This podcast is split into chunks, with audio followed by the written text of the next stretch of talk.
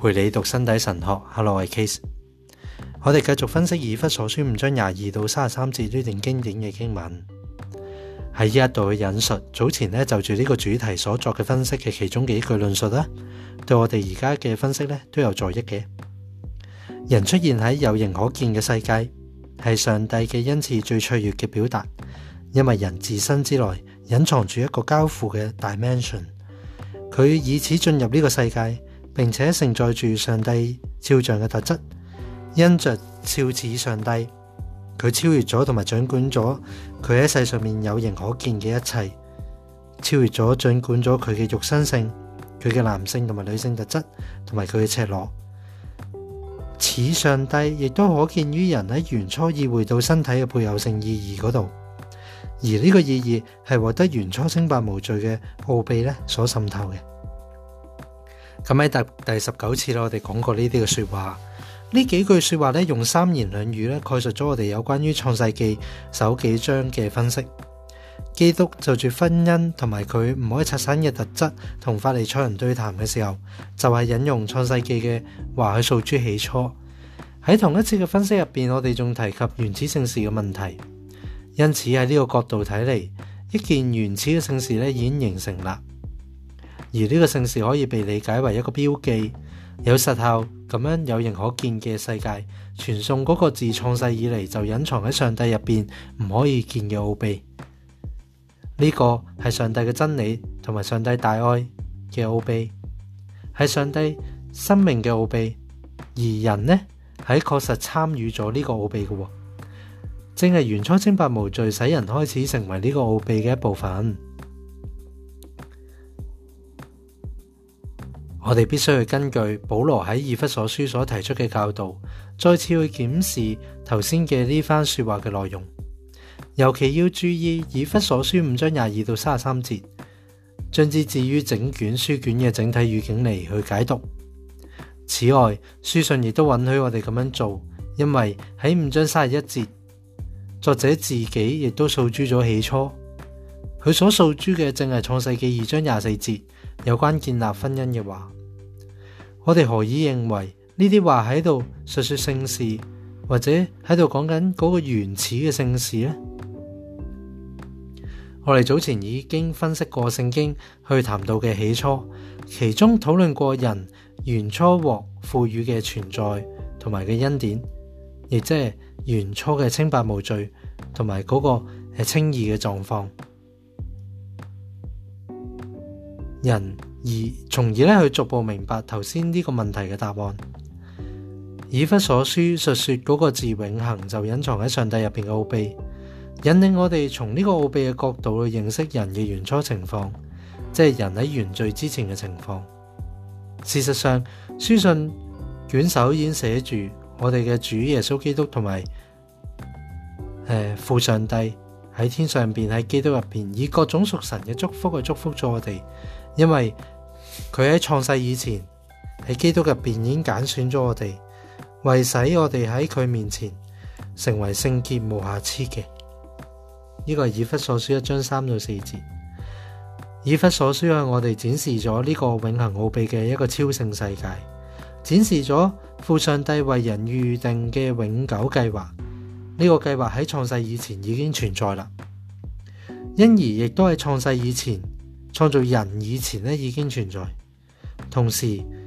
呢个上帝嘅计划喺整个创世现实入边已经开始实现啦。人系按照上帝嘅形象而受造为男人同女人嘅。如果人嘅清白无罪，嗰个状态系属于呢个创世嘅奥秘。咁就係話，上帝赐俾人嘅原初恩賜已經包含咗揀選嘅效果啦，即係以弗所書所提嘅，佢已經揀選咗我哋，為使我哋喺佢面前成為聖潔無瑕疵嘅呢一句说話。诚然呢個似乎係《創世記》入边記載嘅話要強調嘅。當時造物主其實路軒啦，睇到喺佢面前嘅男人同女人嘅時候，佢喺人身上咧見到值得恩悦嘅善。就系话上帝睇到佢咧所做嘅一切咧，认为样样都咁好，好好。只系喺犯罪之后，喺犯罪之后，喺破坏咗与造物主佢所订立嘅原初盟约之后，人先至觉得有需要去躲避上帝。亦即系嗰段经文讲，我喺乐园入边听到你嘅声音就惊啦，因为我赤身露体嘛，咁咪匿埋咯。相比之下，喺犯罪之前。人嘅灵魂承载住梦拣选嘅效果啊，亦即系人喺父上帝嘅仔基督入边喺永恒入边梦拣选啦。因住呢个拣选嘅恩典，男人同女人喺上帝面前系圣洁无瑕疵嘅。正如我哋较早前嘅分析入边所指出，呢个原初嘅圣洁同埋纯洁，亦都可以见于一个事实，就系佢哋赤身露体并唔羞耻当我哋比较创世纪首几章有关于起初嘅叙述，同埋以忽所需嘅叙述嘅时候，就可以推论到人受造嘅现实已经弥漫住喺基督入边恒常蒙选、蒙受嘅拣选，就系人系奉呼召藉住儿子嘅恩典咧成圣嘅。上帝系按照自己嘅旨意决定预定咗我哋藉住耶稣基督获得儿子嘅名分而归于佢。为咗颂扬佢嘅恩典光明，呢个恩典咧喺佢自己嘅爱子入边咧赐俾我哋，喺以弗所书一章五到六字系咁讲。而从起初啊，男人同女人已经获得享有呢个超性嘅恩赐，呢个天赋嘅恩典系因为基督嘅缘故而赐予嘅，佢自永恒已经系上帝所钟爱嘅圣子啦。但系就时间同历史嘅层面而言呢，呢个恩赐系。喺呢位愛子道成肉身之前所赐嘅，亦即係我哋藉住佢嘅血獲得救赎之前咧所赐嘅。喺人犯罪之後，救赎就成為咗超聖嘅天父恩賜嘅來源且從某種意義嚟講，儘管喺有罪嘅情況下，救赎仍然係一個超聖嘅恩典嘅來源啊！呢個超聖嘅恩典喺原罪之前咧已經赐下噶啦。亦即系原初嘅义啦，同埋清白无罪嘅恩典，系人喺创世以前喺基督入边咧获拣选嘅效果，而正系由于佢咧嗰个独一嘅爱子咧嘅缘故而赋予嘅。尽管喺时序上边呢个系先于独一嘅爱子带住肉躯降临人间，喺创世嘅奥秘嘅向度入边，只有第一个阿当获得拣选。有儿子嘅身份同尊严，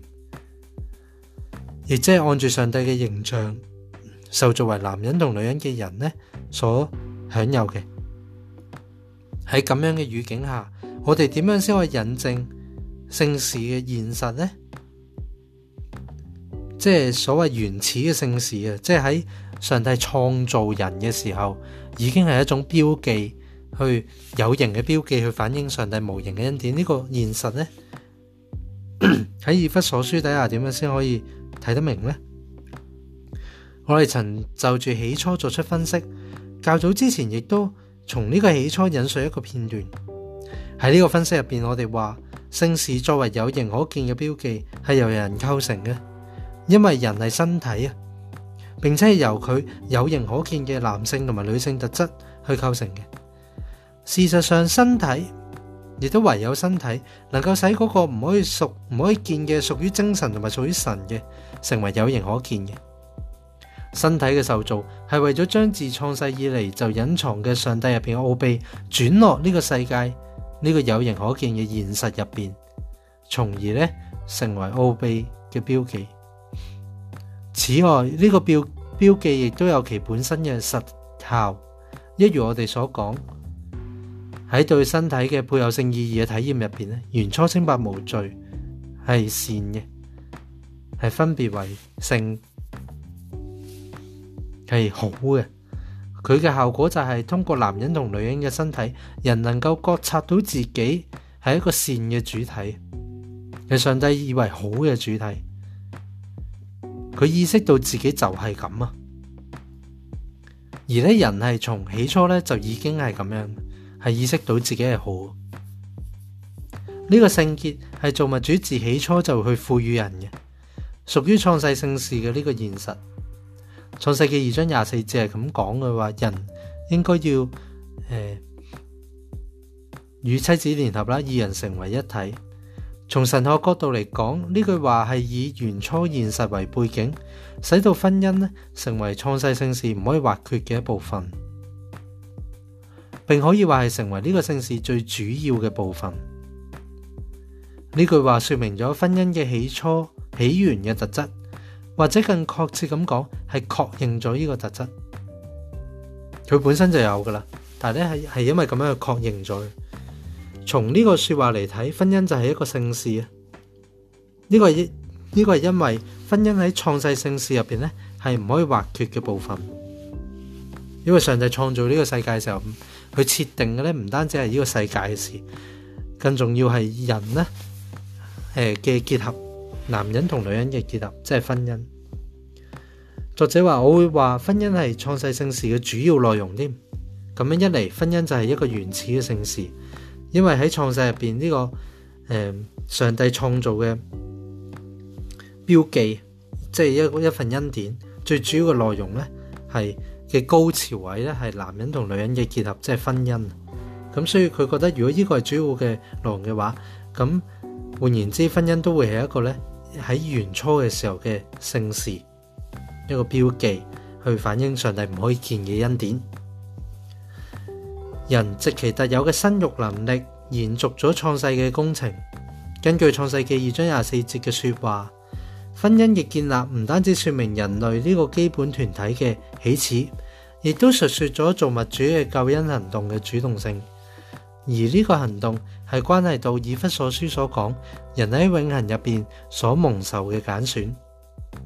呢个救恩嘅行动系嚟自造物主上帝嘅，而佢嘅超性实效正相等于上帝创造人嘅行动，并喺呢个行动入边使人处于原初清白无罪嘅状态。喺呢個狀態入边，自創造人嘅呢個行動之初，人自永恒就喺基督入边咧蒙受揀選，已經產生咗效果。咁樣我哋必須要明白，原初嘅創世聖事係從愛子入边咧取得實效嘅。參謀以弗所書一章六字啦，作者指出呢個恩典係喺佢自己嘅愛子入边咧赐俾我哋嘅。至於婚姻，我哋可以推論話。婚姻系喺整个创世圣事嘅语境入边咧，建立出嚟嘅，亦即系喺原初清白无罪嘅状态下建立嘅。唔单止系为藉住生育去延续创世工程，亦都系为咗将呢个同一嘅创世圣事传俾人类嘅下一代。即系唔单止要生，而系仲要传递一个关于上帝创造嘅嗰个嘅标记俾我哋嘅后代。亦即系将胜负喺佢永恒之子入边，至永恒就对人拣选啊，嗰个超性嘅效果咧延续落去，即系唔单止系拣选咗亚当第一个，而系人类啊一开始就蒙上帝所拣选啊，系圣洁无瑕疵嘅，系好好嘅，亦都反映喺人身体入边有赤身露体系唔害羞嘅，要将呢样嘢咧传递俾落去。呢個效果咧，上帝喺創世行動入边咧，已經赐咗俾人噶啦。以弗所書似乎容許我哋循住呢個方向去理解創世記，以及當中所在嘅有關於人喜恥同埋婚姻嘅真理。咁今次咧，作者就特登去比較咗誒以弗所書同埋诶創世記嘅經文啦。講到诶，将以弗所书入边讲到，上帝一开始就喺基督入边去拣选咗人，呢个拣选嘅人咧，其实系讲紧创世纪入边，诶，蒙创造，诶，超过诶，被造世界嘅一切受造物，有种超性嘅特质嘅人咧，系拣咗出嚟啦，并且喺基督入边成就，而呢个成就咧，系以婚姻呢一种嘅。有形可見喺世界嘅特質，即係包括咗男性、女性特質嘅嗰種結合，百而同埋生育嘅嗰種嘅特質，加埋晒一齊，係喺咁樣反映出嚟嘅。咁作者就連埋咗《以弗所書》同埋《創世記》依兩段嘅經文咧一齊去睇啦，咁就得出一個結論咧，就係婚姻咧其實係誒一個。姓事嚟嘅，系一个，仲要系一个元初嘅姓事添啊！就系自起初，上帝去创造嘅时候，有份恩典俾人嘅，嗰个恩典系乜嘢呢？冇形噶嘛，就系从婚姻呢种有形可见咧，去表示出嚟。咁咧，我哋下次咧就会再读落去。